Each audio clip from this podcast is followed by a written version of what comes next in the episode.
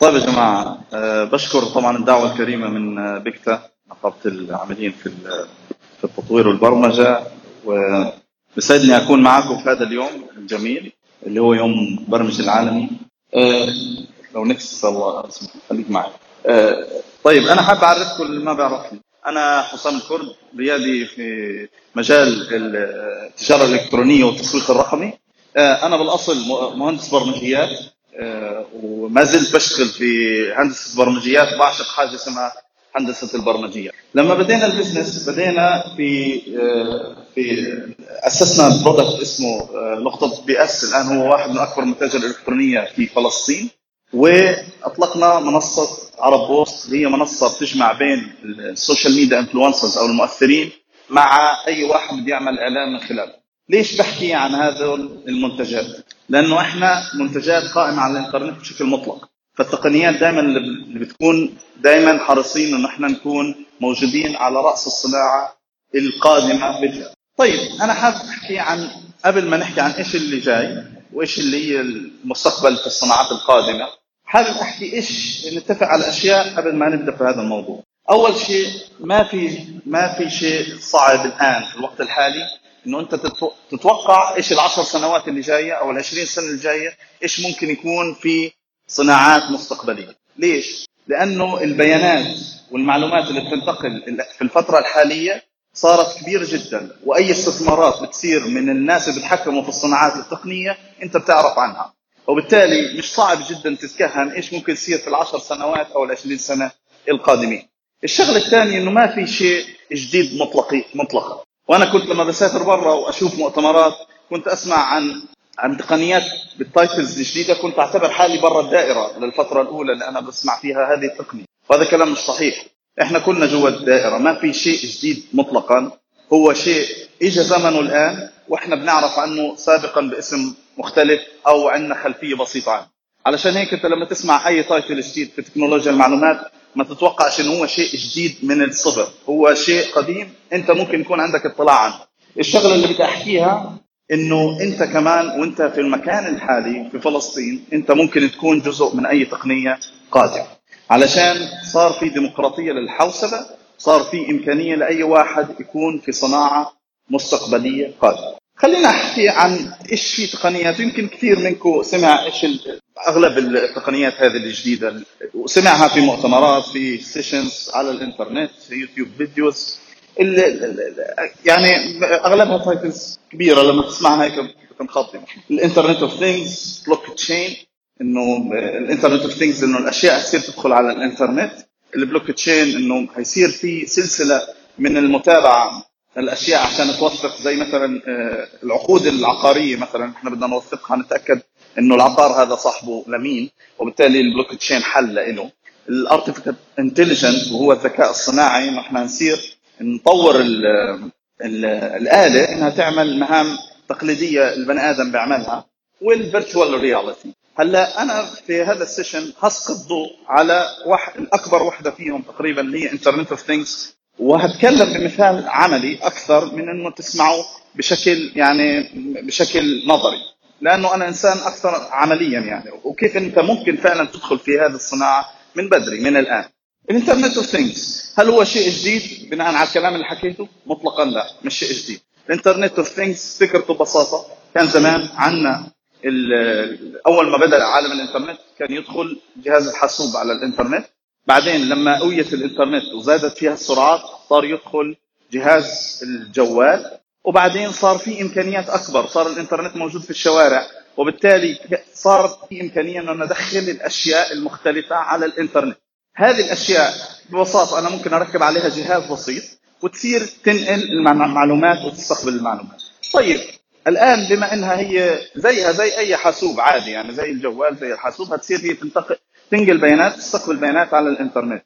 الآن أنا لو بدي أتكهن إيش ممكن يكون وظائف مستقبلية وأشياء مهمة لل...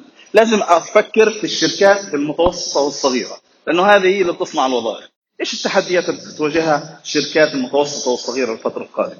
طبيعة الحال لما الأجهزة والأشياء هذه تدخل على الإنترنت هتصير ترسل وتستقبل البيانات زي أي جهاز وبالتالي أنت لازم تتعامل مع كم ضخم من البيانات. فأنت كشركة متوسطة أو صغيرة لازم تتعامل مع كم ضخم من البيانات عشان تواكب التكنولوجيا. فأي شيء له علاقة في علم البيانات أي شيء له علاقة في علم البيانات هو هيكون له مستقبل واعد يعني أنت بتقدر تحلل البيانات هذه كبني آدم عادي بدون الاي اي أنت بتقدر تحلل البيانات هذه وتطلع منها معلومات مفيدة هذا شيء له مستقبل. صح بدأ في الوقت الحالي بس لسه له مستقبل في السنوات القادمة. كمان تحليلك للبيانات بال AI وقدرتك إنك أنت تطلع منها معلومات أو توقعات هو هيكون له مستقبل كثير واعد ال data visualization. أنت الآن مثال كمان على البيانات. أنت عندك بيانات ضخمة جدا. كيف بدك تظهرها للبني آدمين؟ كيف بدهم يقرأوها كيف بدهم يفهموا البيانات هذه من خلال ال charts والرسوم البيانية وغيره؟ هذه قدرتك إنك أنت تطلع البيانات هذه بشكل مقروء للناس. هي برضه من وظائف المستقبل ومن الأشياء اللي أنت ممكن تشتغل عليها. ال integration هو عنصر مهم جدا في الفترة الجاية. هيكون عندك كل الأشياء بدها تدخل على الإنترنت وبالتالي عندك formats كثيرة. منها بال Excel بال بال JSON ب whatever في الآخر في عندك بيانات. غير متجانسة. أنت عليك إنك أنت تزامن هذه البيانات وتخليها بصيغة واحدة. الصيغه هذه مقروءة بتقدر تصدرها وتستقبلها من خلال الإنترنت. هذا كمان مثلا إنه أنت بما أنك ترسل كميات ضخمة من البيانات وهتستقبل بيانات ضخمة فأنت لازم توفر في عنصر السرعة والبيانات اللي بتنقلها من خلال الإنترنت. زي مثلا فكرة ال GraphQL الآن بداتها الفيسبوك إنه بنتقل بيانات آه، بس على قد المطلوب بالضبط من البيانات وبستقبل البيانات المطلوبة فقط من خلال service واحدة. وهذا يوفر كثير في نقل البيانات اللي بيطلبها المستخدم وبالتالي أي شيء له علاقة بال integration هو شيء مطلوب جدا. هلأ أنا حكيت عن البيانات. من وين البيانات أصلا بدها تيجي حاليا بتيجي البيانات منا إحنا بنكتب على الجوالات بنتعامل بال touches بس هل هتضل هذه نفس نفس الكلام؟ لا ابدا مش هيصير هيك.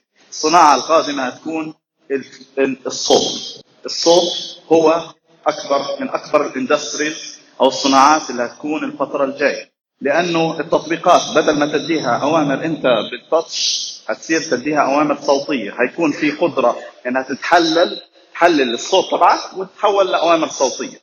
وفي already بدوا بهذا الأشياء. فأنت لما تكون موصل الأجهزة تبعت البيت موجودة عندك في البيت هتصير تدي أوامر صوتية للأجهزة هذه. تقول له شغل المكيف طفي المكيف آه، آه، ارفع درجة الحرارة آه، نزل درجة الحرارة. هذه كلها أوامر صوتية. فاستثمارك الحالي في إنك تعمل أي شيء له علاقة بالصوت هو مستقبل. علشان هيك في خدمات كثيرة من الشركات الكبيرة لو نقسم لو خدمات كثيرة من الشركات الكبيرة عمال بتستثمر في صناعة الصوت. وبالتالي زي الآن أنت ممكن مثلا في امازون اليكسا إنك أنت تروح تعمل آه، صوت بأمر صوتي وتقول له اربط لي الصوت هذا بالخدمة هذه. وبالتالي أي واحد بيحكي أي أمر صوتي بروح بيفتح الخدمة هذه. الصوت له مستقبل واعد. فاحنا هينا بنحكي حكينا عن البيانات. أنت ممكن تكون جزء منها تتعلم أي شيء له علاقة بالبيانات. الصوت كمان industry واسعة الفترة الجاية وكله بدخل تحت بند ال Internet of Things كيف أنا اكون جزء منها اي صناعه جاية وهذه النقاط احكيها سريعا انت ممكن تكون في اي صناعه جاية كل ما عليك جوجل ما ما في اي شيء أنا بحكيه صعب بتبحث إيش في صناعات جاية هتلاقي كذا يوتيوب بيحكي إيش الصناعات المستقبليه وهيعيد كلام كثير من اللي أنا حكيته أو مواقع بتشير لنفس الموضوع بعد ما جوجل انت هتعرف إيش ال skills أو المهارات اللي لازمه لهذه الصناعه إيش المهارات اللازمة لهذه الصناعة؟ بعد ما تعرف ال skills اللي أنت لازمة لهذه الصناعة بدك تطبقها في مشاريع في project وال projects اللي بيجي بيحكي لي أنا ما في شركات بتوظفني في صناعة جديدة أو ما في عندي ما في عندي بيئة بتحتضنني في هذا الموضوع. الكلام هذا الآن ما عادش موجود. أنت الآن ممكن تروح على ال GitHub على. على المشاريع مفتوحة المصدر وتشارك في أي مشروع وأنت أو تخلق أنت مشروع. يعني وتشارك في أي مشروع له علاقة في الصناعة اللي أنت بتطلع لها. فبتروح على أي مشاريع مفتوحة المصدر وبتشارك فيها ضمن الصناعة تبعتك. بعد هيك وهذا عنصر مهم ونفتقده وهو عنصر إنك أنت بدك توظفها في صناعة موجودة. يعني ما تجيش تقول أنا اي اي شو يعني اي اي يعني أنا بعرف شركات تسمعها بتقول إحنا بنشتغل AI أي شو يعني AI؟ هذا AI مصطلح موهم. لازم توظفه في صناعة. يعني بقول أنا AI في مجال الصحة.